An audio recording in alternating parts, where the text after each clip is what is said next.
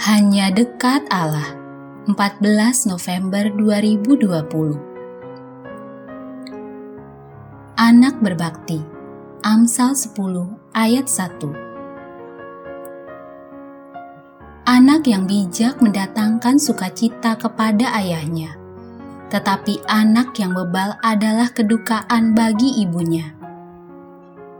Dalam Alkitab Bahasa Indonesia masa kini tertera, Anak yang bijaksana adalah kebanggaan ayahnya. Anak yang bodoh menyusahkan hati ibunya.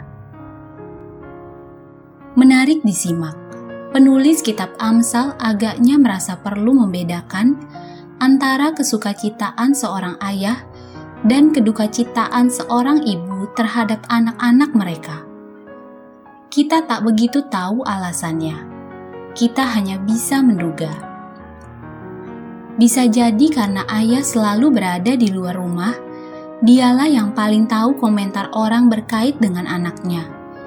Sehingga pujian orang terhadap anaknya pastilah membanggakan dirinya.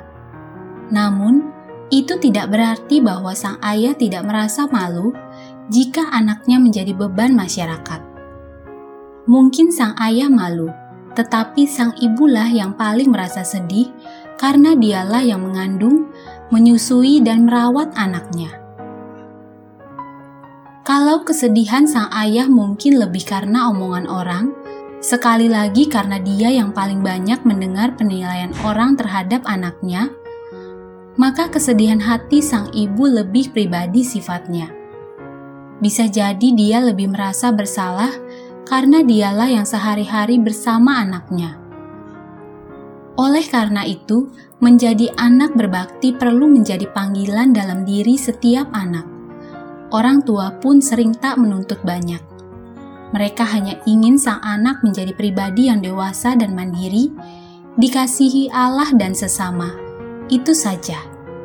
Salam semangat dari kami, Literatur Perkantas Nasional. Sahabat Anda bertumbuh.